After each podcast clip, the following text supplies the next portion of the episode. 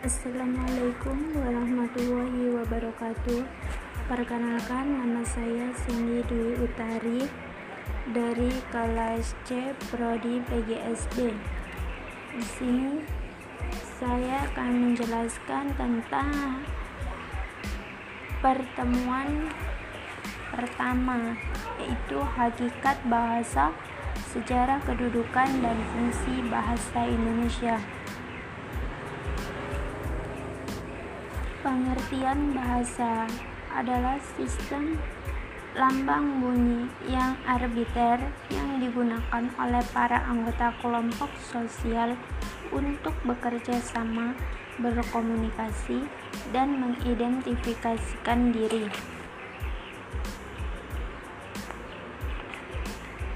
Yang kedua, sejarah kedua sejarah bahasa yaitu berasal dari bahasa Melayu. Yang kedua, terbukti pada abad ke-7 dari banyaknya peninggalan prasasti atau batu tertulis, batu bertulis. Fungsi bahasa Indonesia. Fungsi bahasa yaitu satu sebagai alat komunikasi dan interaksi antar manusia. Dua, sebagai identitas suatu bangsa untuk menyampaikan pesan, ide, gagasan, baik berupa kata atau lambang atau kode melalui alat bicara atau mulut. Yang kedua,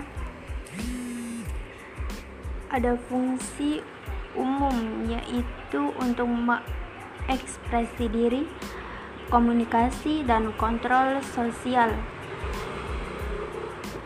Fungsi sebagai bahasa nasional yaitu kebanggaan sebagai kebanggaan nasional bangsa Indonesia dan sebagai alat pemersatu bangsa.